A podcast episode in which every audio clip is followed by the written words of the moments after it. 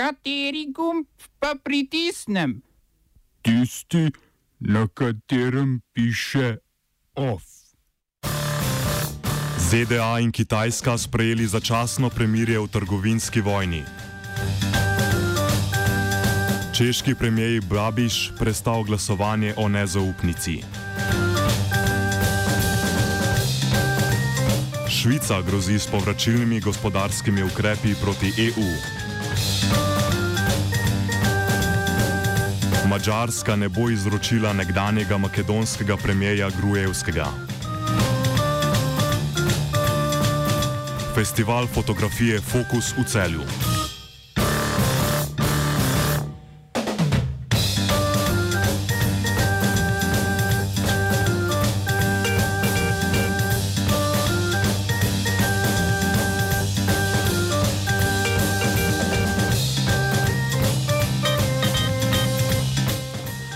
Združene države Amerike in Kitajska sta po poročanju hongkongskega časopisa South China Morning Post dosegli premirje v trgovinski vojni.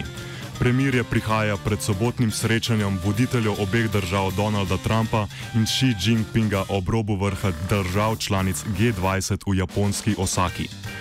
Trump sicer grozi, da je, ukolikor ne bo dogovora, pripravljen uvesti carine na kitajsko blago v vrednosti 260 milijard evrov. Do sedaj je Trump že uvedel do 25 odstotne carine na 175 milijard evrov kitajskega izvoza. Po poročanju čas, časnika Wall Street Journal naj bi Kitajska predstavila tudi pogoje za trajni dogovor, ki vključujejo konec embarga na prodajo tehnologije Huawei, umik nedavno uvedenih carin in prekinitev pritiskov naj Kitajsko odkupi več ameriškega izvoza.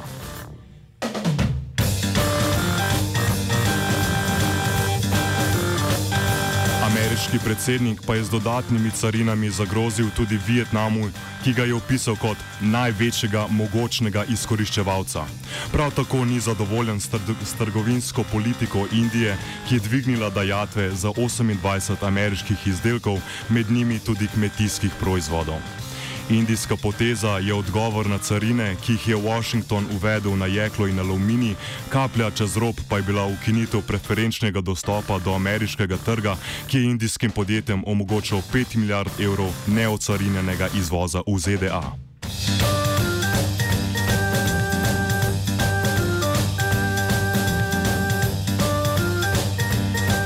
Na srečanju v Osaki bodo v spredju tudi podnebni cilji.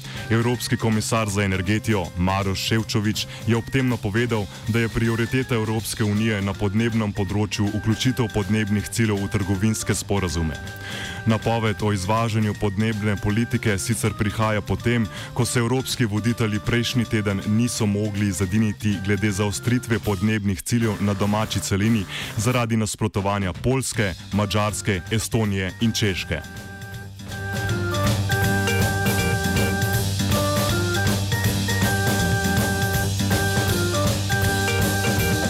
Evropsko unijo pa pesti tudi urejanje trgovinskih in investicijskih odnosov bližje domu.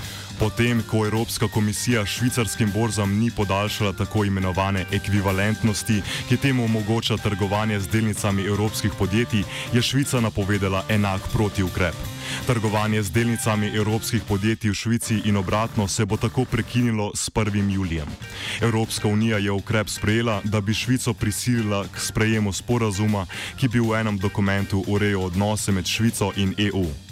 Te odnose trenutno ureja 120 ločenih dokumentov.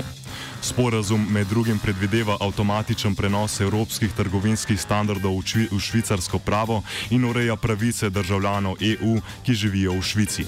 Švicarska vlada glede sporazuma, ki je že izpogajan, zahteva dodatna pojasnila, na kar pa Evropska unija ne pristaja, saj to interpretira kot poskus ponovnih pogajanj. Borzni trgi med Švico in Evropsko unijo so močno prepleteni. Tretjina trgovanja z največjimi švicarskimi podjetji, naprimer, poteka v Londonu.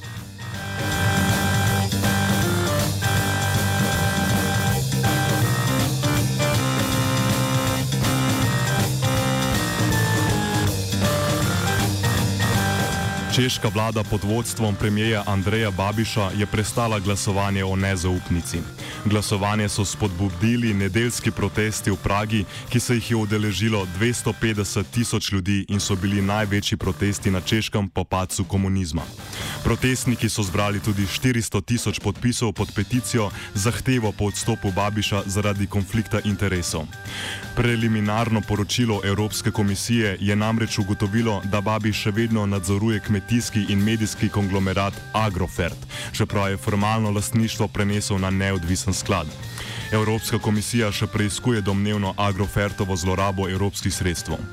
Babiš sicer vlada z manjšinsko vlado, ki jo podpirajo socialni demokrati in komunisti.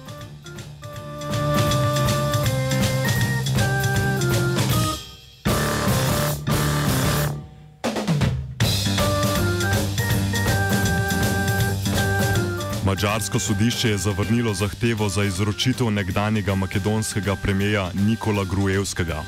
Izročitev je zahtevala Makedonija, ki ga bremeni nepravilnosti pri nakupu luksuznega avtomobila in sodelovanja v napadu na parlament aprila 2017. Gruevski je po menjavi oblasti pobegnil na Mačarsko, ki mu je podelila politični azil.